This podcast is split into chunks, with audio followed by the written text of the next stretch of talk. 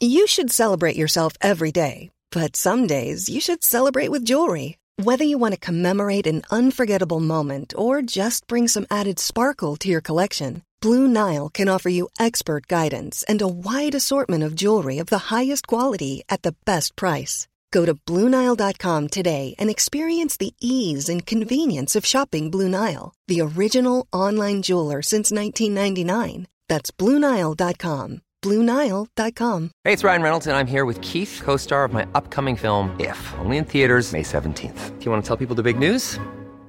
All right, I'll do it. Sign up now and you'll get unlimited for $15 a month in six months of Paramount Plus Essential Plan on us. Mintmobile.com slash switch. Upfront payment of $45 equivalent to $15 per month. Unlimited over 40 gigabytes per month. Face lower speeds. Videos at 480p. Active Mint customers by 531.24 get six months of Paramount Plus Essential Plan. Auto renews after six months. Offer ends May 31st, 2024. Separate Paramount Plus registration required. Terms and conditions apply if rated PG. Ever catch yourself eating the same flavorless dinner three days in a row? Dreaming of something better? Well, HelloFresh is your guilt-free dream come true, baby. It's me, Kiki Palmer. Let's wake up those taste buds with hot, juicy pecan-crusted chicken or garlic butter shrimp scampi. Mm. Hello Fresh. Stop dreaming of all the delicious possibilities and dig in at HelloFresh.com. Let's get this dinner party started.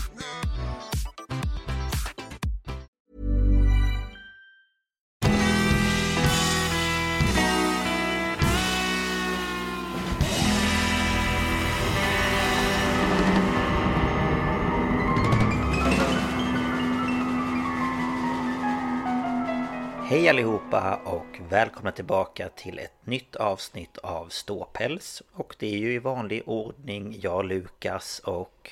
Ida. Mm. Mm. Mm. Hur måste? Ja, jag har ju jätteont i min lilla ländrygg. Så att, eh, Mm. det var, jag, jag tror att det är falsk ischias och det är ju mycket stelhet och så. Mm. Men eh, igår eftermiddag hade jag jätteont liksom i muskeln ovanför nyckelbenet eller vad man ska säga där. Jag var jätte Mm, jättesvullen och hade så ont så jag hade liksom så här svårt att använda vänsterarmen. Trapezius. Nej men jag vet inte vad det heter. Ja, men jag, jag vet inte riktigt vilken, det är någon muskelfäste eller någonting tror jag. Mm. Eh, och så tänkte jag, men jag, jag tar tablett och så lägger jag mig och så imorgon kanske det blir bättre. För jag, idag skulle jag städa och jag skulle plantera om blommor och jag skulle gå ner med alla halloween-grejer i förrådet för snart ska ju julgrejerna upp. Mm. Och så skulle jag kliva ur sängen och bara Nej, Nej. jaha, okej. Det skulle jag inte alls det. Jag skulle lägga mig igen. Ja, men alltså jag höll ju på att kissa på mig för jag kunde inte gå på toa. Alltså det var så här, vad är det som händer här? Ja. Det bara så här. Först så ömmade det, man bara mm, det här känns inte bra. Och så skulle man gå på toa och då bara uh! Kan inte sätta sig ner. är Nej, så jag håller på, håller på att bråka med den, försöker hålla det varmt och sådär. Mm. Men, eh, Ja, men jag har ju också haft, inte nu, men jag hade för några veckor sedan, det kommer och går liksom att jag blir väldigt Mm. svullen över liksom, ja men över delen av rumpmuskeln eller vad man nu säger Mm. på höger sida är det dock för mig. Ehm, och sen så gör det liksom jätteont i några dagar och sen så försvinner det. mm. Så jag vet inte heller Jag tror att det är mycket att falsk man grej. är, man är stel. Ja, men man är ju som en jävla, jag vet inte, pla- alltså flaggstång, det går inte ens att vända en. Man bara svajar lite när det blåser. Ja men lite så man sitter ju fast är liksom Nej Och så säger vi ju det varenda gång Nu ska vi bli bra på att stretcha och vi ska Mm, börja med yoga och vi ska göra det och det och det Gör man det? Nej inte ett Nej. dugg gör man Sätter sig framför datorn när man kommer hem och Redigerar lite videos och skriver lite podd och ja det är det. Mm. Ja, nej, jag blev ju som sagt var skitsur för att jag bara, men Mm. då på hela förmiddagen och liksom tidig eftermiddag Mm. så städar jag och fixar och sen spelar jag in podd och sen kan jag ta det lugnt. Mm. Men det har liksom inte blivit något gjort. Nej då blir man ju lite För jag kan ju Irriterad. liksom inte ens, alltså jag försöker liksom bara stå, man tänker ja men jag kanske kan plantera om blommor. Nej jag kan inte det för jag kan inte sträcka mig efter saker eller liksom. Mm. Nej det blir ju lite Hoppas att det går över snart då Ja jag får hoppas Så att det det. ger med sig. I varje fall tills på till helgen.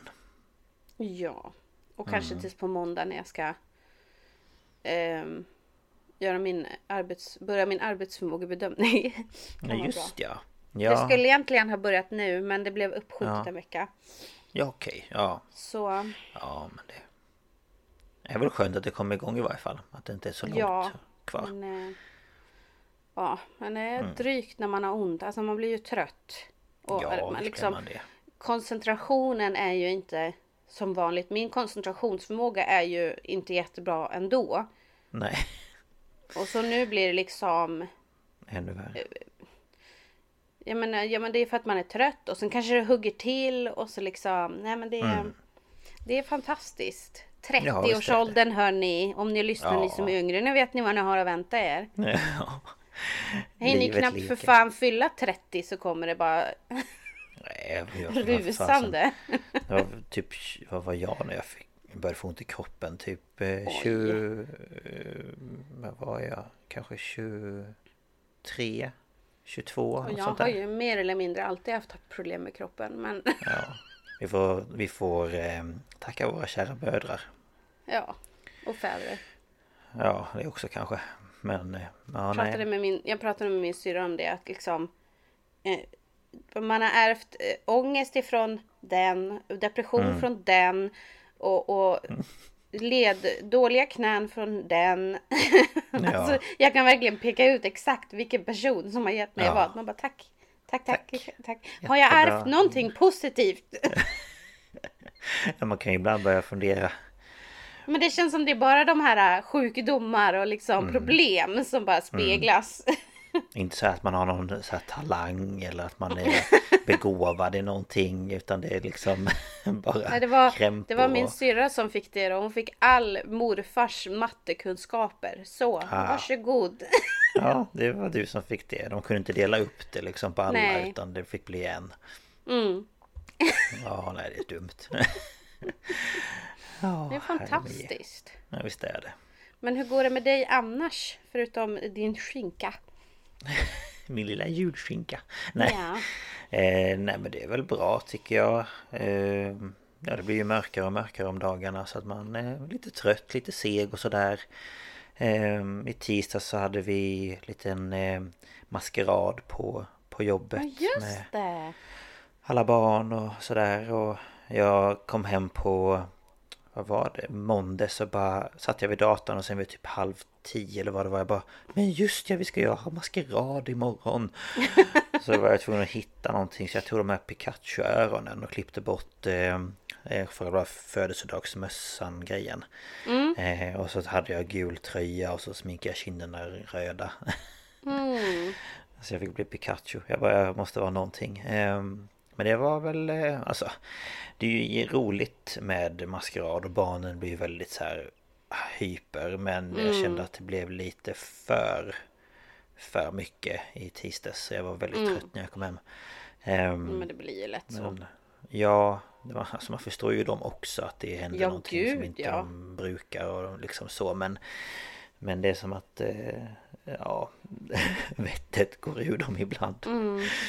Ehm, Men så är det. Ehm, Men annars nej det rullar väl på tycker jag. Ehm, Ja, Men nej. hur märker, jag tänker det här med att det blir så mörkt. Har ni bra belysning på gården eller? Ganska skulle jag säga. Men vi har ju västar på barnen. Vi börjar ju med det nu för typ en, två veckor sedan. Så både på morgonen och på Alltså när vi går ut på eftermiddagen så sätter vi på barnen västar så att man ska liksom kunna se Ja om de väljer att gå där det inte är jätteupplyst Mm. Sen försöker vi ju liksom locka till aktiviteter där det liksom är upplyst Men det är ju alltid något barn som vill Vi har ju buskar och sånt på gården så vissa vill ju gå in i dem och Ja då vill man ju kunna se dem Ja herregud. Ja. Barn hittar på de konstigaste grejerna alltså. Ja nej, men vi har alltså buskarna det är ju det bästa som de vet egentligen Så kan de sitta där bakom och hitta på grejer Ingen som ser Nej. Ehm, Ja mm, Så att det Ja Nej så det är väl Det skulle kunna vara bättre belysning men ja Men så inte är det, katastrof i alla fall. Nej, det tycker jag inte. Men det är ju det är lite läskigt för jag menar vi har ju liksom huset och så är det ju belysning under ett tak och så är det liksom någon lampa här och där men om du tänker dig utkanten av liksom det staketet där längs gården där är det ju inte jätteljust utan det Nej. blir ju ganska dunk, alltså dunkelt eller vad det Mm, heter. Så ehm, ja Men ja vad ska man göra? Vi lever ju i det här Ni har, landet. ni har inte tappat bort någon än i alla fall. Så det är... Nej som tur är har vi inte gjort det. det är positivt. mm. Ja. Ja, nej men så är det. Ja, Mm. visst så du ja. Ja, och idag så är det ju din tur och eh, vad heter det? Prata tänkte jag säga. det är idag ska du prata. Eh, Idag ska vi prata.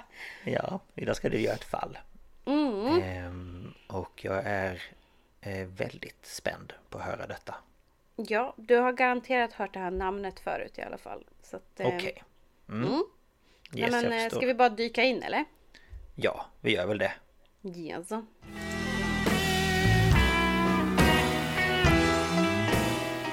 Ja, då ska vi se vad jag har att bjuda Mm. på. Eh, och ni som har sett eh, titeln vet ju redan och Lukas fick veta nu eh, under vår lilla paus att jag ska ju berätta om Dorothea Puente. Mm. Och det känner jag ju igen. Eh, ja, precis. Jag har pratat en del om henne. Ja.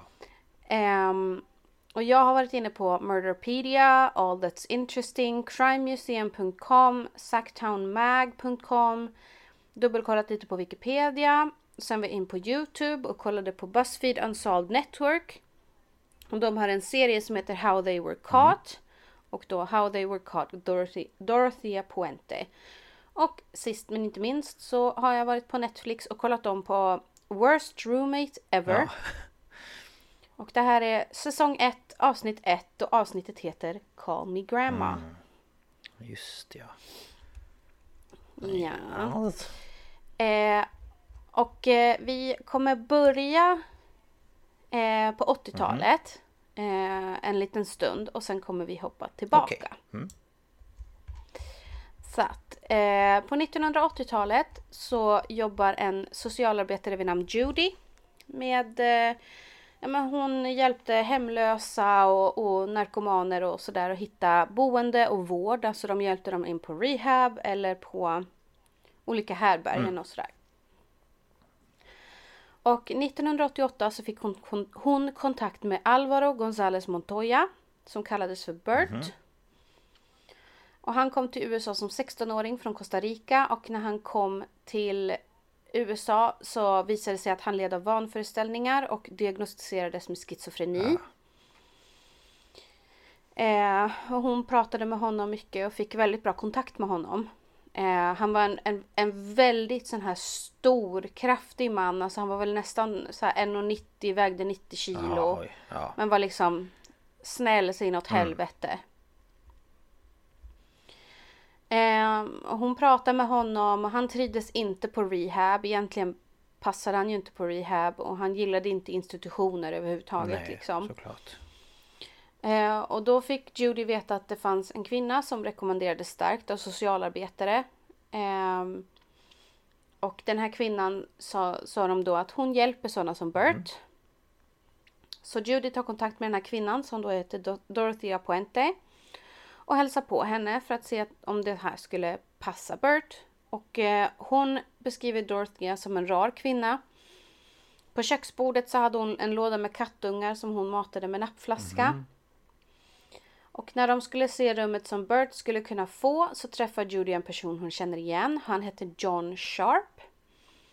Och John sa, det finns många fördelar med att bo här. Det kanske bara är ett rum, men att ha ett fint ställe och få äta riktig mat, det funkar väldigt bra för oss. Okej. Och då blir ju Judy imponerad och hon frågar Dorothea, hur har du råd med det här? Och då svarar Dorothea, jag är ekonomiskt oberoende. Jag låter folk bo här för jag vill hjälpa dem. Mm. Okej. Så att man, ja men det låter ju jättebra Ja, verkligen. ja, ja, visst. Eh, men för att Bert ska kunna flytta in hos henne så är han tvungen att ansöka om alltså social security checks, alltså typ försörjningsstöd. Eh, och eftersom han inte har någon kontakt med sin liksom, familj så måste han ha någon annan som kan liksom, hjälpa honom med det här. Eh, då kan man, vem som helst kan skrivas som betalningsmottagare. Ah, okej. Och då erbjöd sig då den här kvinnan att ja, men jag, kan göra, jag kan ta det. Judy då eller? Eh, nej, Dorothea. Eh, och eh, man frågar Bert hur han kände och det beslöts att man skulle testa låta honom bo där och eh, han verkade trivas otroligt bra. För han fick liksom nya vänner och sen hade han liksom sitt eget rum med sin egen stol och en TV och liksom så. Men Judy hon, hon vill inte riktigt släppa taget om Bert så hon ville hålla lite koll. Så hon ringer lite då och då och frågar hur han har det. Och efter några månader så säger Dorothy att Bert är inte där just nu för att han är i Mexiko med sin bror. Men han kanske är tillbaka på fredag. Ja. Och Judy bara mm, det här låter inte som Bert. Nej. Alltså man får tänka att det här är en, en, en man. Han har varit väldigt. Dels är han nog inte mentalt vuxen. Nej, precis. Ehm, och sen så har han legat inne på institutioner där han har blivit behandlad med sån här elchocksterapi och grejer vilket har gjort att han har dragit sig inåt väldigt mycket. Så han är egentligen, han ser ut som en stor kar men han är egentligen ett barn Ja. liksom. Ja, det låter lite konstigt. Eh, ja, men Judy hon ringer tillbaka några dagar senare och han är fortfarande inte tillbaka och Dorothea säger oroa dig inte. Men Judy hon är hård, hon säger hör jag ingenting så på måndag ringer jag polisen och anmäler honom Ja. försvunnen. Va? Eh, på måndagen ringer Judys telefon på jobbet. Hon hinner typ precis komma in på jobbet och då ringer det någon som heter Don Anthony. Och han säger att Bert inte längre bor i huset. För att när han kom hem från Mexiko så hämtade hans familj honom. Jaha. Och hon bara... Ja. What? Så hon söker upp John då eftersom de var bekanta. Ja. Alltså den här John Ja. Sharp. Och enligt honom så bor inte längre Bert där. Men han, när hon bara, ja men var han i Mexiko? Och då sa han, ingen av oss har varit i Mexiko. Nej. Hmm. Och han säger att någonting står inte helt rätt i huset. Jaha, han säger det alltså Pe- Peter. Mm. Nej, John. John. Var fick jag Peter för, jag har ingen aning, jag har inte sagt Nej, någonting om någon Peter. John Sharp. Ja, John menade jag. Han säger i alla fall att någonting står inte helt rätt till och han säger Dorothea har grävt en massa hål. Mm. Och nu tänker jag nu tar vi en liten paus och så ska jag berätta om Dorothea. Dorothea Puente, hon föddes som Dorothea Helen Gray den 9 januari 1929 i Redlands i Kalifornien. Hennes föräldrar var Trudy May och Jesse James Gray.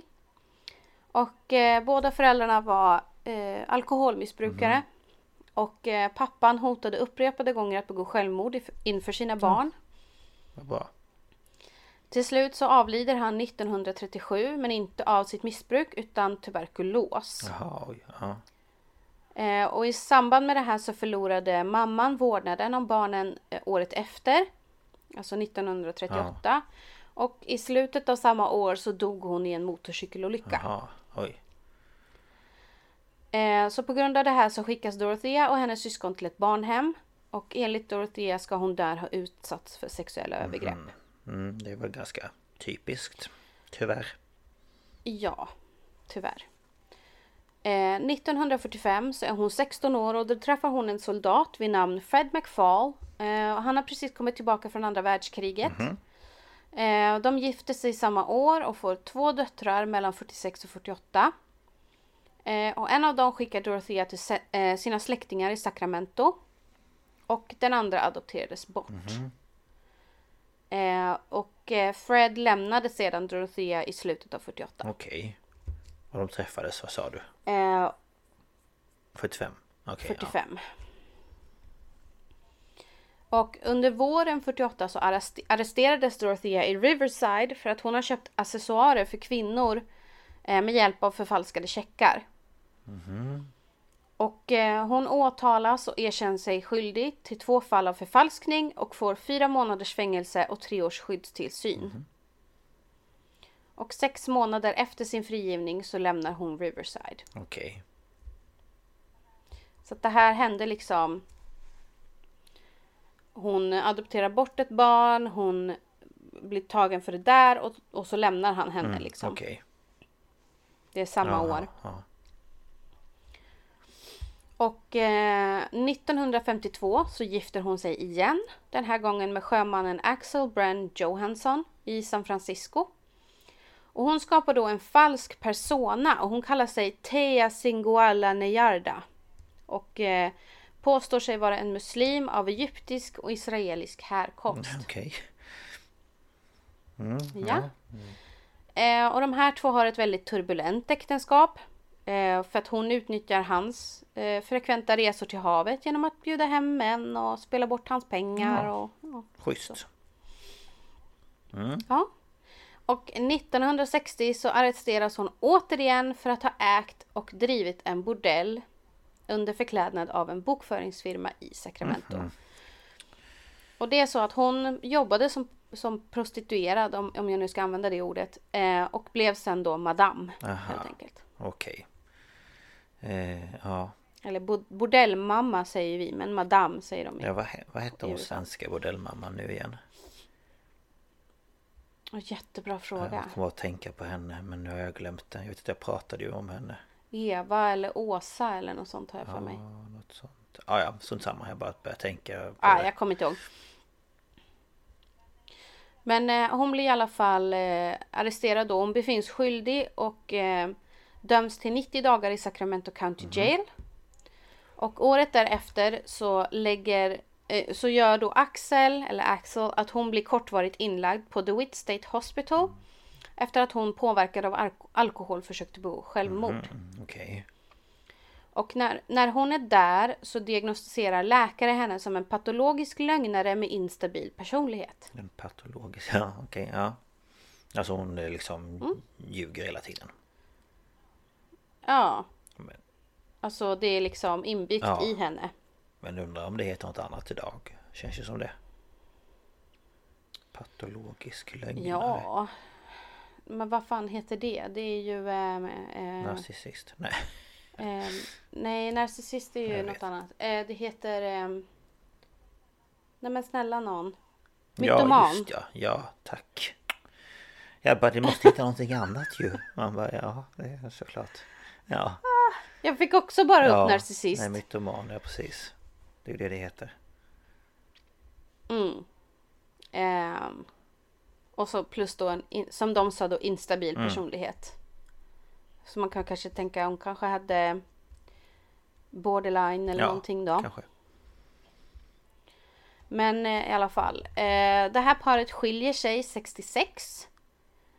Ehm, så än en gång skiljer de sig. Eh, men hon fortsatte då att heta Johanssons eh, efternamn då en tid efter separationen. Och hon antar sin nya identitet som Sharon Johansson. Och eh, nu döljer hon sitt brottsliga beteende genom att framställa sig själv som en snäll kristen kvinna. Och hon etablerar ett rykte som vårdgivare och ger unga kvinnor en fristad från fattigdom och övergrepp utan kostnad. Okej. Alltså hon låter ju inte jättestabil. Nej. Alltså går från man till man man och sen byter hon liksom personlighet hela tiden. Ja. Ja. Ja. Eh, 1968 så gifter hon sig igen.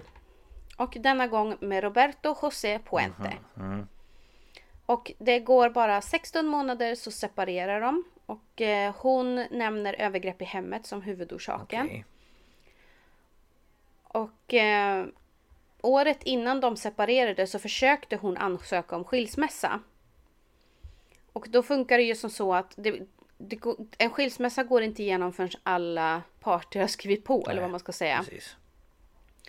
Och eh, den här snubben han drar till Mexiko. Eh, så att eh, skilsmässan fullbordades inte förrän 1973. Jaha.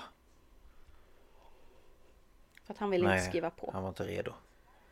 Varför vet jag inte för de, de hade ju uppenbarligen inget bra Nej men det fanns väl något motiv kanske. Liksom, jag vet inte förhållanden. om det hade Ja. någonting med... Jag tror mycket sånt här kan vara liksom bara för så här ren spite. Ja, jo. Bara för att göra det man håller jobbigt liksom liksom. lite agg och man bara nej jag ska inte göra för att det, då kan inte du göra det här eller ja. Du blir inte av med mig Ja, din jävel liksom. Ehm, och de här två hade fortsatt ett turbulent förhållande. Och eh, till slut så lämnar Dorothea in ett besöksförbud mot Robert 1975. Så att någonting var ju inte bra dem emellan. Och antagligen kanske Kanske han var våldsam eller hotfull eller liknande. Men hon fortsätter ju använda hans efternamn i mer än 20 år. Mhm. Och efter den här skilsmässan, den tredje då, då vill hon fokusera på att driva ett pensionat på 21st and F Street i Sacramento. Jag tror adressen var så här 14 någonting F Okej. Street Mm. i Sacramento. Och Sacramento är ju huvudstad i staten Kalifornien. Vad säger man? Delstaten? State? Ja men man, man kallar ju inte huvudstad men det är liksom Jaha, du menar så. Ehm, eh, Det är som, som eh, Göteborg är ju största staden i Kronobergs län till exempel. Typ. ja, ja, Man, man, man, det finns något namn för det. Men det, det är i alla fall liksom Sacramento är delstatens ja, men huvudstad kan man säga. precis. Eh, bara för att, för att liksom visa folk, liksom förklara för folk vad det här är någonstans och sådär. Det här är alltså California. Precis. Ehm, och eh, i Sacramento så etablerar hon sig som en genuin resurs för samhället. För att hon hjälper alkoholister, hem, hemlösa, psykiskt sjuka. För hon håller liksom möten för AA och hon hjälper individer att registrera sig för att eh, få de här socialförsäkringsförmånerna. Och eh, sin image då förändrar hon genom att hon börjar klä sig i lite så äldre silkesklänningar, mycket såna här skjortklänningar. Hon bar stora så kallade mormorsglasögon, såna här riktiga flaskbottnar Ja, ja. du vet. Och eh, hon, till en början så färgade hon håret grått tills håret blev Jaha. grått. Liksom.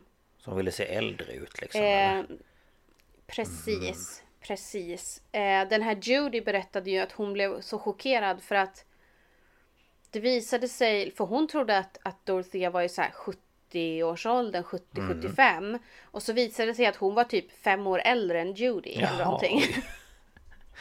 Ja, så hon Nej, men det var eh, jättekonstigt. såg också eh, äldre ut. Ja, alltså hon, hon gjorde sig äldre. Jaha, ja. Ehm, och hon etablerade sig också som en respekterad medlem i Sacramentos latinamerikanska gemenskap. För då finansierade hon välgörenhetsorganisationer, hon hade stipendier och hon finansierade radioprogram och Jaha. grejer. Och hon träffar då så småningom och gifter sig med Pedro Angel Montalvo. Eh, men eh, han eh, drog efter Nej, bara en vecka. Alltså. Ah, det går bra känner jag. Mm, Men alltså, hur många har hon varit tillsammans med nu? Fem, sex stycken gift sig och... Usch. Hon har varit gift fyra Det gånger. ju- jag Måste det känner, ju hur, bli. hur orkar man? Det lär ju inte vara liksom bröllop så utan det måste ju vara någon... Det är mycket sån här coun- Ja. county... Alltså Borgerlig, sån här stats... Pre- borgerligt, jag menar det. De går ner till county courthouse ja, liksom. men nu är vi gifta. Perfekt. Säkert. Jag vet inte, Ja. men säkert. Eh, och 1978 så åtalas hon igen och döms för att ha olagligt löst in 34 statliga och federala checkar som tillhör folk som bott hos henne. Och hon fick fem års skyddstillsyn och dömdes till 4 000 dollar i skadestånd. Okej. Så att återigen så blir Mm. hon dömd. Och nu är vi framme vid eh, april 82. Jaha. För att då flyttar den då 53-åriga Ruth Monroe in hos Dorothea. Ehm, och eh, jag har inte skrivit den här historien men jag kommer ihåg den. Jag tänkte jag kan ta lite grann eh, bara bakgrunden kring den här eh, Ruth. För att hon träffade Dorothea ehm, när Dorothea typ serverade på ett café eller på en bar eller vad det var. Och började prata och liksom, ja men hon blev tjenis med henne och hennes man. Ehm, och efter ett tag så sa hon till dem eh, eh, Ja men eh, ni behöver inte eh, hålla på att kalla mig vid förnamn utan call me grandma. Eh, och sen så berättade Dorothy att hon skulle vilja öppna ett fik. Eh, och frågade om Ruth var intresserad av att och, ja, men, ehm, finansiera. Så det gjorde hon och de öppnade ett fik. Men Dorothea sa hela tiden att hon behövde mer pengar och mer pengar och mer pengar. Och Ruth gav henne det. Eh, Men sen så till slut då så, så fick de ju stänga ner och då hade Ruth flyttat in hos Dorothea. Eh, för att hennes man blev, eh, han fick terminal cancer. Mm, Okej, ja. Eh, och då skulle liksom, ja, men hon blev deprimerad och så. Eh, så hon flyttade in där och hennes son kom och hälsade på mycket och vid en, ett tillfälle så kom han dit och då satt hon med en drink. Jaha. Crème de menthe sa hon. Okej. Och hon, han sa min mamma drack inte. Nej. Huh. Eh, och så frågade han varför dricker du den? Ja men Dorothea gav mig den för att vi måste stänga kaféet. Okej. Som så här, här vi tar Ah. en drink. Gud vad tråkigt Mm, liksom. Ja. Eh, och ehm, när han kommer dit senare, jag vet inte om det var, det var inte dagen efter men det var senare. Så kommer han in och så säger han, var är min mamma? Ja men hon ligger upp och vilar. Jaha okej, så är han på väg upp. Nej men gå inte till henne, låt henne vila. Och han bara, eh, jag ska gå till min mamma, tack så mycket. Och när han kommer upp så ligger hon i sängen och han pratar med henne och liksom stryker henne på axeln och så. Men hon liksom säger ingenting utan hon bara, tårarna bara rinner på henne och hon är jättedålig liksom. Jaha. Eh, men han tänker att ja, men depression kan ju ta på Ja, en och det är tufft med det här med sorgen och det med, med mannen och så. Eh, men sen en dag får han ett samtal eh, från sin syster som säger att Dorothea har ringt och sagt att eh, kom och hämta era mammas grejer för hon är Nämen. död. Och när de kommer dit så är det bara en tom handväska. Men alltså. Jaha. Och då säger hon, eh, hon gav mig allt. Eh, så att, eh, ja, det här är det. Ni kan gå nu. Och då har hon tagit hennes smycken och liksom pengar Hmm. Ja, och bla bla bla. Eh, och det visar sig att Ruth har avlidit av en överdos av kodin och paracetamol. Ah. Eh, och de är ju övertygade om att det är Dorothea som Ja, har annars känner gjort det jag. här.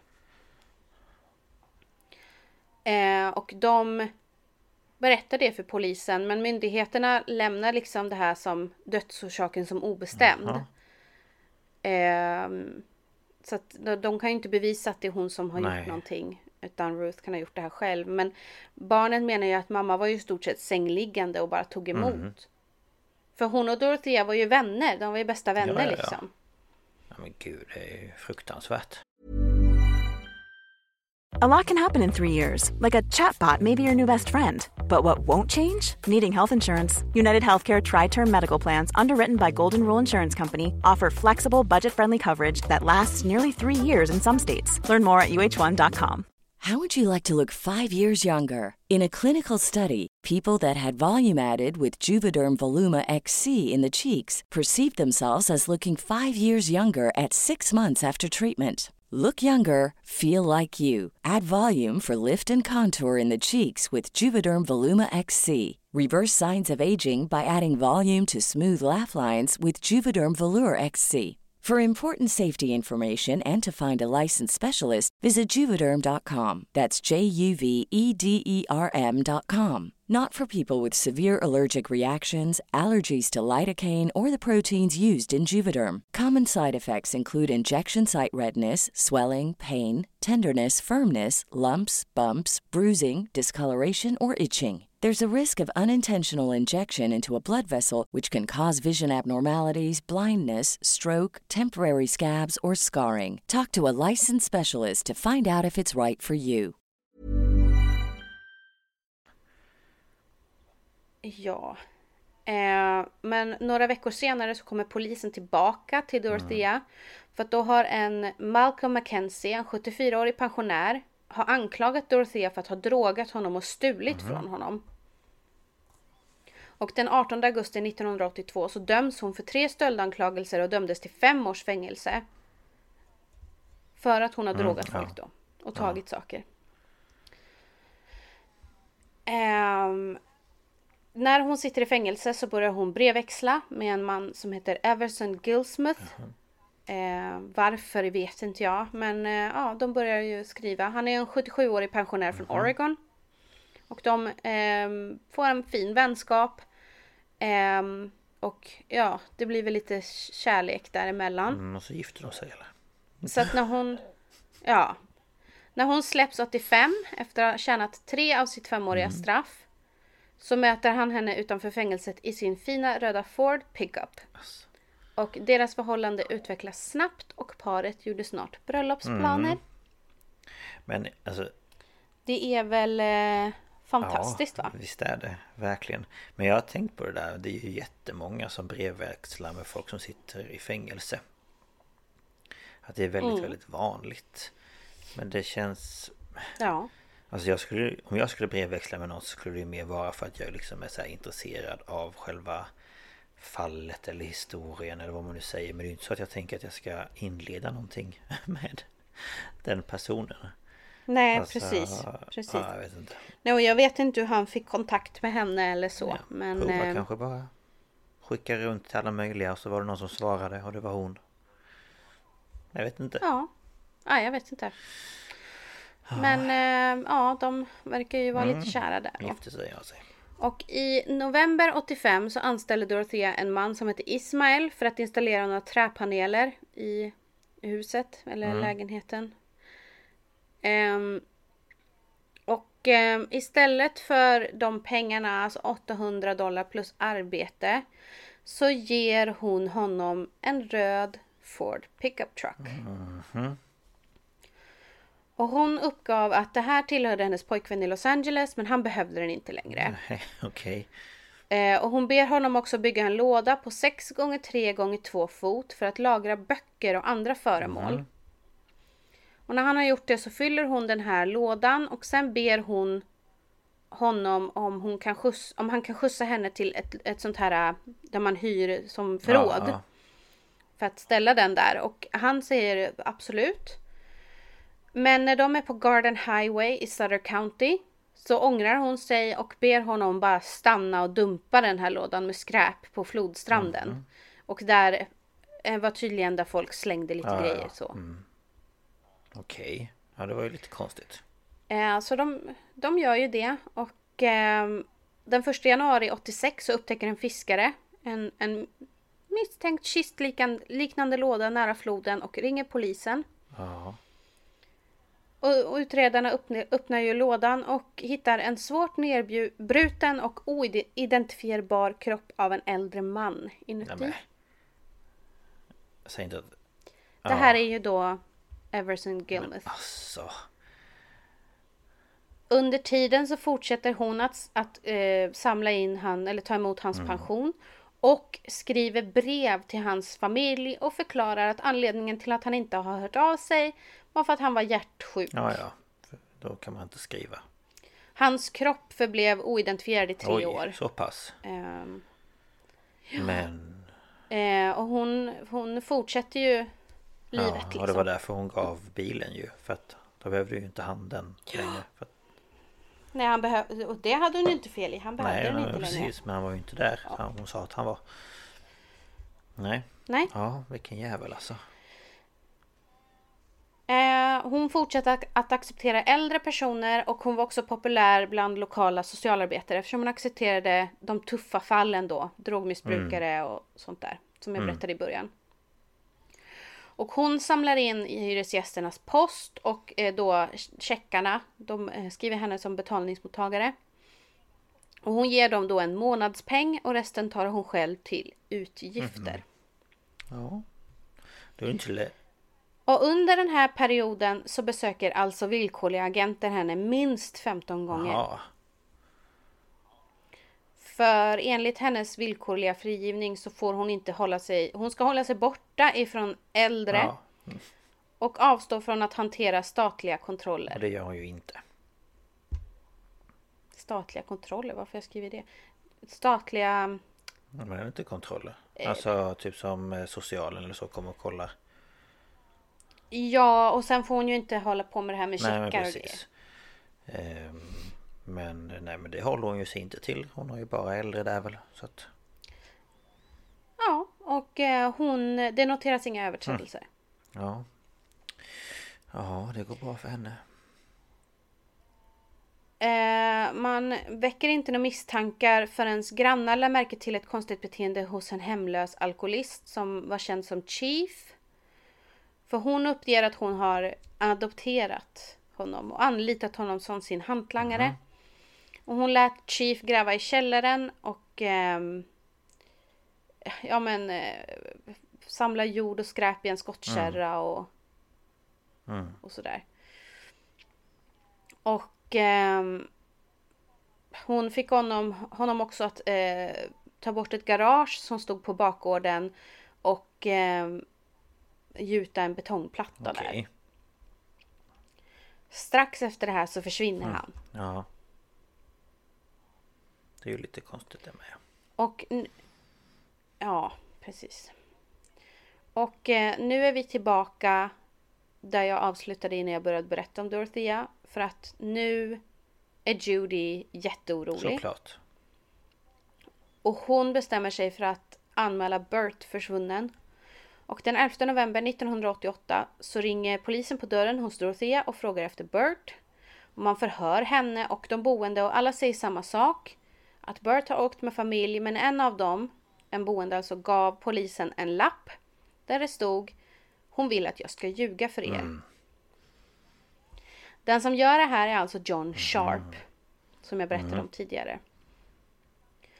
Och man tar in honom på förhör och han berättar att hon har bett honom ljuga för polisen för annars skulle hon hamna i fängelse. Och om han gjorde det skulle han få kompensation. Mm, Okej. Okay. Nu börjar polisen söka på hennes namn i registret och som, som polisen själv säger att alltså man får tänka att register på 80-talet, speciellt i USA, är inte Nej. vad det är idag. Och i och med att hon har bytt namn så många gånger så... Mm. Ja. Svårt att hitta. Men man, man hittar henne i alla fall och ser att hon är villkorligt frigiven och har suttit inne för att ha spetsat folks drinkar.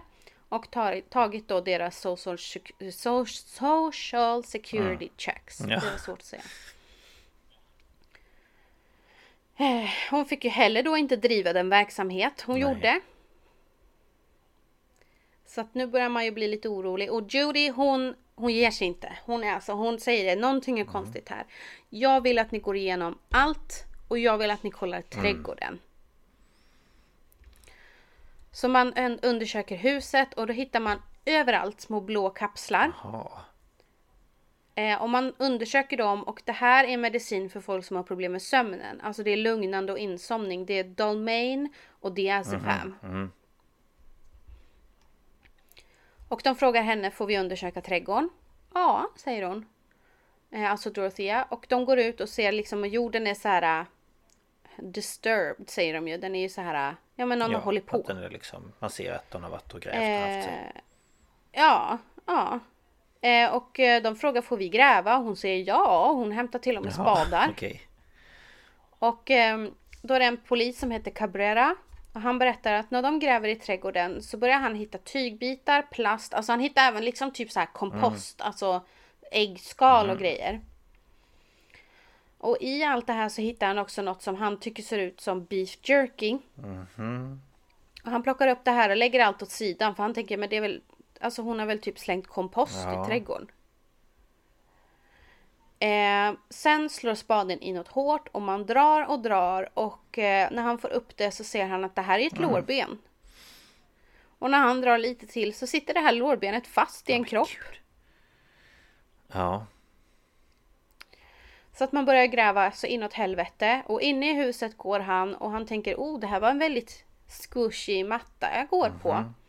Så han lyfter på den och då visar det sig att det är dubbla mattor. Och när han lyfter på båda så slås han av en sån fruktansvärd lukt. För här visar det sig då att kroppar har legat och deras kroppsvätskor har liksom sugits in i golvplankorna. Åh. Fy. Och under tiden de håller på så frågar Dorothea om hon kan få gå med sin brorson till ett café. För hon, grannarna har ju kommit ut och tittar och hon tycker det här är jätteångestframkallande. Ja, och man har ju, alltså man kan ju inte gripa Nej. henne än. Alltså man, man kan ju inte... Nej. de här kropparna och det kan ju vara från Ja, innan precis. liksom. Så att eh, den här Cabrera följer med henne till ett café bara tvärs över gatan och säger här sitt här tills någon kommer och berättar för dig vad det är som händer. Och samtidigt så gräver man fram fler kroppar och en av dem eh, är jättelång. Och eh, väger cirka 90 kilo. Och eh, det är ju inget tvivel om att det Nej. där är Bert. De har inte sett någon identifiering men Ja då. Eh, då inser man att man har tillräckligt för att häkta henne. Eh, men att, efter att ha köpt sitt kaffe då när polisen tittar på så drar hon till Los Jaha. Angeles. Så att när de kommer över och liksom så här. De går dit och så bara nej jaha så frågar de han Cabrera vart gick hon? Ja men tvärs över gatan. Jaha nej för hon är inte där. Ja. Eh, och hon drar då till Los Angeles och börjar prata med en äldre manlig pensionär på en bar. Och tar in på hotell, eh, motell under namnet Don, Donna Johansson. Och utan att hon visste det så känner den här pensionären igen henne på tv-nyheterna. Jaha. Så att han ringer tv-kanalen som sen då kontaktar polisen och hon blir gripen efter fyra dagar på flykt. Ändå att han Och hon- kände igen henne, det var ju bara en jävla tur. Ja. Men de, alltså de pumpade ju ut, alltså hon var ju Ja. överallt. Det var på radio, det var på nyheterna, det var så alltså... det- Ja. Inte svårt att missa kanske. Nej. Eh, hon förnekar konsekvent Mhm. sin oskuld. Det där, är, det där är innan jag flyttade Ja, men dit. visst. Att det stinker lik Men eh, i vardagsrummet, slutändan... liksom. Ja absolut, absolut. Det, nej, det är inte jag. något. Det är inte jag alls. Hon åtalas i slutändan för totalt nio mord. Det är ju hennes pojkvän Everson Gilmuth. Eh, som då var i 70-årsåldern. Och så åtta hyr- hyresgäster. Och det är bland annat för att nu kommer familjen till Ruth och säger Vi vill att ni lägger till henne. Så Ruth Monroe 61. Leona Carpenter 78. Bert 51. Dorothy Miller 64. Benjamin Fink 55. James Gallup 62, Vera Faye Martin 64 och Betty Palmer 78. De var inte ens gamla någon av dem. Nej, alltså Bert var väl den yngsta. Ja, 51. Det är ju inte en 51. ålder på en häst. Nej. Och enligt utredare har de flesta av hennes offer blivit drogade tills det helt enkelt blir en överdos. Och då har hon lindat in dem i lakan och plast och släpat dem till öppna gropar på bakgården. Eh, och en domare för över rättegången till Monterey County efter att en förfrågan om att byta lokal lämnats in av Dorotheas advokater. Och rättegången börjar i oktober 92 och avslutas ett år senare. Och eh, åklagaren John O'Mara, han var chef på mordroten på Sacramento County District's Attorney's Office. Så att, ehm, han var the shit om man säger så. Han kallar över 130 Vad sa du vittnen. han? Kallar över 130 Jaha, oj, vittnen. ja. Och han hävdar då sedan för juryn att Dorothy använt sömntabletter för att få sina hyresgäster att sova, sedan kvävt dem och anlitat andra liksom utsatta för att gräva hål i hennes trädgård. Mm. Men jag tänker, har de också hjälpt henne att ta ut kropparna? Eller vet de inte om det? Det vet jag inte. Jag tänker Nej, att han där uh, Bert eller vad han hette Att han måste ju varit jävligt tung och få ut själv Men hon var, och sen så var ju hon inte så gammal som man trodde Nej jag heller. vet men jag tänker ändå en av liksom en kropp som är helt avslappnad Lång och alltså Ja. Men om du bara, om du bara kan släpa ja, den liksom. Såklart men ja Nej jag vet inte, man vet ju inte det för hon har ju hela tiden sagt att hon inte är mm, Nej men precis Så att, eh, Att hon står vid att hon är oskyldig Ja. Eh, och försvaret kallar då flera vittnen som visar att hon var en, var en generös och omtänksam person. Och eh, vittnena, inklusive en av hennes döttrar. Eh, hon berättar då hur hon har fått hjälp av sin mamma i sin ungdom och att det har gjort att hon har en framgångsrik karriär. Och experter på mental häls- hälsa vittnade om att hennes tuffa uppväxt var liksom, alltså det, det motiverade henne att hjälpa mindre lyckligt lottade. Och samtidigt så var de överens om att hon hade en ond sida men det var orsakat av stressen av att ta hand om sina nedstämda hyresgäster. Jaha, okej. Ja. Eller? Och eh, O'Mara, alltså åklagaren, han, han, hans avslutande argument fokuserade på hennes mord. Och han sa, blir någon ansvarig för sitt beteende i denna värld? Dessa människor var människor. De hade rätt att leva. De hade inte mycket ägodelar, inga hus, inga bilar. Bara deras sociala checkar och deras Mm. liv. Hon tog allt och döden är det enda lämpliga Mm. straffet. Ja, ja, verkligen. Eh, så att, ehm, och eh, Klymo eh, hette hennes advokat i efternamn och han svarade oss i sitt argument med att liksom eh, peka på att hon var en vårdgivare och eh, hennes andra advokat, för hon hade två eller tre stycken, han sa så här, det här är ganska långt men jag tyckte att det var ganska intressant. Vi är här idag för att fastställa en sak. Vad är värdet av Dorothea Puentes liv? Det är frågan. Måste hon dödas? Eh, och så, ja, han pratar om eh, de traumatiska eh, aspekterna som formar hennes liv och bla bla. Och så säger han. Du har hört talas om den förtvivlan som var grunden för hennes liv, ilskan och förbittringen. Om någon i juryrummet säger till dig att det inte var så illa, fråga dem om du vill att det ska hända dig själv. Skulle du vilja att det hände dina barn? Jag förleds att tro att om det finns någon anledning för oss att leva här på jorden så är det för att på något sätt förstärka varandras mänsklighet. Att älska, att beröra varandra med, med vänlighet. Att veta att ni bara har skapat en person som andas lättare eftersom du har levt. Jag överlämnar till er, mina damer och herrar, att det var för dessa människor som kom för att vittna för Dorothea Puente. Eh, jag tror att ni bara verkligen kan förstå varför så många människor vittnade och bad er att skona Dorotheas liv om ni någonsin har ramlat ner och snubblat på livets väg och fick någon som hämtade dig, gav dig tröst, kärlek och visade dig vägen. Då kommer du förstå varför dessa människor tror att Dorotheas liv är värt att rädda. Det är förmildrande, det är en mänsklig egenskap som förtjänar att bevaras. Det är en låga av mänsklighet som brunnit in, inuti Dorothea sedan hon var ung. Det är en anledning att ge Dorothea Puente liv utan möjlighet till livstid utan möjlighet till villkorlig frigivning.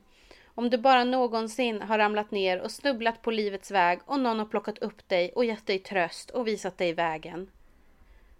Eh, ja, så upprepar han då igen att det här var en anledning att ge life without the possibility of parole. Och sen så avslutar de med att säga kom ihåg att saker inte alltid är som de ser Man ut. bara, men vadå snubblat på liv? Alltså hon har ju dödat folk. Alltså Ja, men de menar ju på att det, man ska tänka att hon har hjälpt så många under sitt liv som har fast det har ramlat hon ju inte. och, och visat dem vägen. Nej, men... eh, Alltså de hon har hjälpt har hon ju dödat. Nej men alltså det här var ju Det, det, det var ju Ja, bara ja, svammel. ja, ja. Alltså var det någonting av det jag Nej, sa som var liksom Absolut vettigt? inte. Man kände bara men nu vill du bara måla upp en bild av någonting. Sen är det så roligt att de avslutar med Kom ihåg att saker inte alltid är som det ser ut. Nej, hon är inte en Nej. gullig liten tant. Hon är eh, en eh, eh, ung, yngre eh, monster. Mm. Ja, men just det här också att hon liksom utnyttjar ju de här stackars människorna och sen dödar hon dem för att hon ska få deras tillgångar och så, nej jag vet inte. Mm. Så nej. Ja, för så länge ingen upptäcker att människan är död så fortsätter ju checkarna Ja, att skickas. då får hon ju pengar, då behöver hon ju inte göra någonting för då blir hon ju oberoende. Och de, de här pengarna som hon gav till välgörenhet och grejer, det Mm. var ju deras pengar. Kläderna hon skänkte till bättre behövande var ju kläder från de hon Ja, hade dödat. precis. Så att det är ju det som är så sjukt. Att det är ju inte ens... Hon har ju inte gjort gott. Alltså det finns ju inget gott i det hon har gjort. Nej. Men eh, juryn över, överväger i alla fall en månad och fann så småningom Dorothea Puente skyldig till tre Mhm. mord. Ehm, för att det var ju svårt att bevisa Mm. alla då. Och i de här tre så ingick varken hennes eh, pojkvän då, Everson, inte Bert och inte Nej. Ruth. Utan det var tre andra. Oj, jaha. Eh, och juryn var i dödläge 11 mot 1 för fällande dom på alla punkter. Det var väl en som Ja. ja, han lurades väl. Eller den lurades väl. Den här ensamma medlemmen gick till slut med på en fällande dom av två första gradens mord inklusive särskilda omständigheter och en andra Okej. gradens mord. Ehm, så det var ju de tre hon Ja. blev dömd för då. Och påföljdsfasen av åtalet eh, var ju liksom... Eh, ja men det framhävdes ju av att hon var en repeating offender. Ja, gud ja. Ehm, och sen var det ju, några ville ju att hon skulle bli dödsdömd men enligt lagen då så fick hon eh, livstid utan möjlighet till villkorlig frigivning. Eh, och hon fängslades på Central California Women's Facility i Chowchilla i Kalifornien. Och under hela resten av sitt liv så vidhöll hon sin oskuld och insisterade på att alla hennes boende hade dött av naturliga orsaker. Ja, det är därför man begraver dem i bak, på baksidan av sitt hus. Ja, ja, ja, för då ringer man ju inte någon och bara Gud, han dog Nej, utan det är sömnen. så här, nej men det vill man inte störa Nej. någon med. Det är lika bra att begrava dem hemma hos oss. Ja, men det är ändå ingen som saknar de här personerna, typ. Nej men alltså det är ju... Ah, Men sen kan jag, jag tycker ändå att det är bra att de inte gav henne dödsstraffet för jag tycker det är lite för lindrigt. Mm. Ska... Ja, hon eh, levde ju ut sitt år för att hon dog i fängelset i Churchilla den 27 mars 2011. Av ålder då. Hon blev 82. Mhm. Okej, ja det var ju ändå alltså en, en ålder så att säga. Ja, hon fick leva Ja. ut sitt liv. Ja, ja, det fick hon ju. Men det fick inte de andra stackarna som inte hade gjort henne någonting. Men är inte det helt sjukt liksom? Hon dog 2011 och då var hon 82. Men folk på 80-talet trodde typ att hon var det 70, 75 Ja, liksom. det är helt galet. Att hon har kunnat liksom... Och jag tänker ofta så är det väl det att du vill ju att framstå som yngre. Alltså det är. Ja men det här var ju för att hon skulle men hon var ju en snäll Jo, gammal jo. dam och just det här call me jo, jag vet, grandma. alltså, men det är ju det som är så skevt också för att oftast en liksom människa Mm. vill ju oftast eh, se yngre ut eller verka yngre eller framstå som det. Men Mm. Nej, alltså vill ju- hon var ju Hon var ju otroligt Jo, det- manipulativ. Det har vi har märkt. Men det är väl den här äh, mytomanen i henne Mm. ja, liksom. ja. Hon, hon lurade säkert sig själv att tro Det på det här tror också. jag nog. Till viss del i varje fall. Men eh, Mm. nej men det är ju fruktansvärt. Det påminner lite, eller jag vet inte men jag kommer inte ihåg vad det fallet hette som jag tog med. Det var ju en eh, kvinna också väl som mördade folk och tog deras smycken och grejer. Eh, det var ju någon av Ja. typ första eller andra säsongen vi körde. Hon lurade ju också. Ja, alltså jag, jag fick ju lite Bell Gunnes-vibbar av Ja, det här det är också. med på den delen. Precis. Eh, Men jag kommer inte ihåg riktigt vem du menar, men jag har ett Ja, svagt jag kommer minne inte av heller det. ihåg. Man glömmer ju bort alla saker man har pratat om. Ehm, Och det här huset som hon gjorde det här i, det står ju kvar. Vanligtvis så Mm. river man det ju. Men det här är K-märkt. Så att det står kvar. Och Ghost Adventures var ju där 2015 tror jag det var. Ja, jo men... Jo men just det ja. Jag, tänkte, jag har inte ens tänkt på men när du säger det så vet jag ju att de har haft ett avsnitt om det. Och huset står ju kvar och det, vad jag vet så, så bor, en, bor det någon där. Alltså, Det måste vara... Så. Nu vet jag inte vad Ghost Adventures kom fram till men det måste ju vara hemsökt känns det som. Om man nu tror på sånt. Jag kommer faktiskt inte ihåg jättemycket av det avsnittet. Jag har funderat nu i efterhand på om jag ska kolla om på det kan det. man skulle göra. Vad sa du, säsong 15? Nej, 2015 sa du. Nej, Ja, 2015. Eh, jag kan Mm. googla lite snabbt. Eh, Ghost, oj. Ghost Adventures. Eh, om man söker på hennes namn så på där. Eh, du, du, du. Vad bra att det står avsnittsäsong. Ja. Kanske kan. Oh. Dorothea Point and Murder House. 2016 var det tydligen. Aha, Men vilket avsnitt är det då? det vet vi inte. Säsong 13, episod 5. Säsong 13. Mm. Okej, ja det ska jag kolla om på. Det finns Mm. på Discovery Plus. Yes. Mm, yes. Så att om man vill kolla på det så finns ju det. Precis. Yes. Men det var det jag hade om Dorothea Puente. Worst Ja. roommate ever. Ja, verkligen. men tack för detta, det var jättespännande. Jag har ju hört hennes namn och ja, lite så men jag visste inte alla, all fakta och Nej. detaljer. Nej. Så att nej, det var ju en hemsk människa måste jag säga som utnyttjar oskyldiga och sjuka och ja, sådär. Ja, nej, det är fruktansvärt. oftast. Men är inte det lite så här om man nu jämför kvinnor och män i deras liksom sätt att ehm, att liksom, vad ska man säga, motiv Ja, alltså hon eller, är ju verkligen the quintessential female murderer. Alltså hon förgiftar dem. Jo men precis, förgiftar och det är oftast det att man förgiftar någon eller att, och att det motivet är liksom eh, kanske pengar eller eh, Mm. Eller så. det kan Men- vara hämnd för kvinnor också. Jag känner att Jo, manliga seriemördare är mycket mer bara så här. Hon var blond. ja. Det var Nej, en men- tjej. Nej men alltså, och det är oftast mycket brutalare. Nu är inte det sant om alla. Men, Nej, såklart.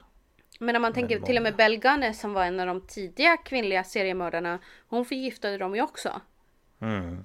Jo men det är just det här och så tänker man på typ Barbara, Barbara Jarl och Ja. eh, Och hon eh, som inte hade antifreeze i sin mans flaska eller vad det var.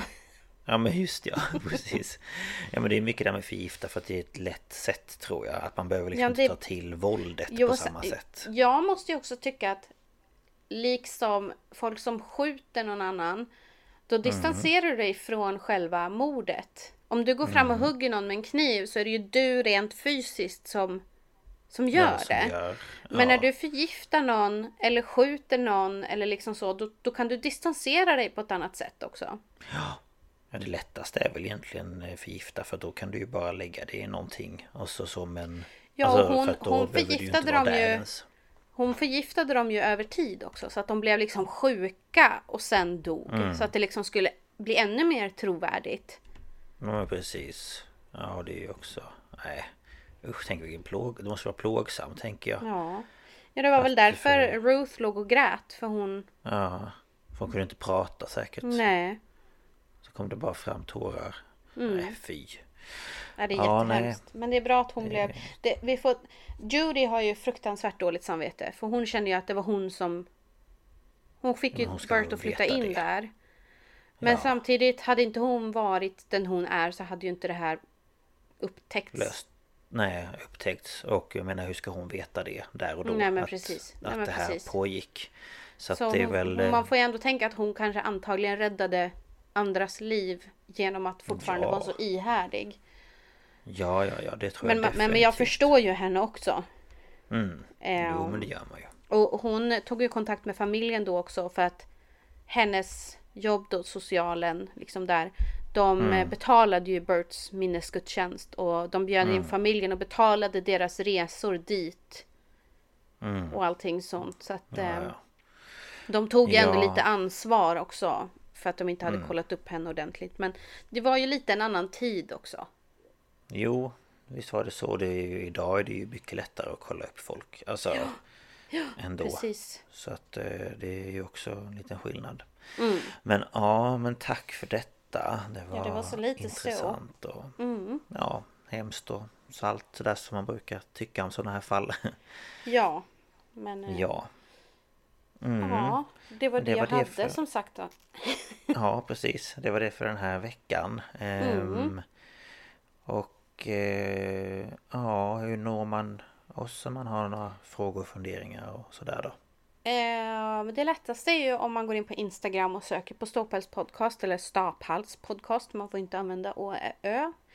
Ehm, och där kan man ju följa oss för att vi lägger ut bilder och sådär och information om det skulle bli inställt eller uppskjutet avsnitt eller så. Och där kan man ju kommentera på ett inlägg eller skicka ett, ett eh, meddelande. Men om man har lite längre kanske ett fall man vill tipsa om eller så med länkar eller bilder eller så. Då kan man mejla oss på staphalspodcast.gmail.com och det står på vår Instagram också. Sen eh, brukar Lukas skriva allt det här i avsnittsbeskrivningen. Så att till exempel på Spotify när ni går in på avsnittet så står all info där. Precis. Eh, för att där är det lättare för oss att ta emot bilder och, och så på ett annat sätt.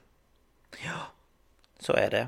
Ja, Ehm, men eh, det, var, det var min vecka. Nästa vecka blir det Lukas. Och han har ju ändrat Ja. om lite i sin planering. Ja. Så att vi vet inte riktigt vad det, vad det blir nästa vecka. Men det blir Nej. något. Ja, det blir något. Det blir en överraskning så att eh, ni får avvakta till dess. Mm. Eh, Ja. Och eh, händer det någonting som sagt var så lägger vi ut på Instagram. Precis. Men eh, ja, tack för att ni har lyssnat. Tack så mycket. Ta hand om er. Ta och hand om er. eh, så hörs vi nästa vecka. Mm, vi hörs. Hej då! Hej då!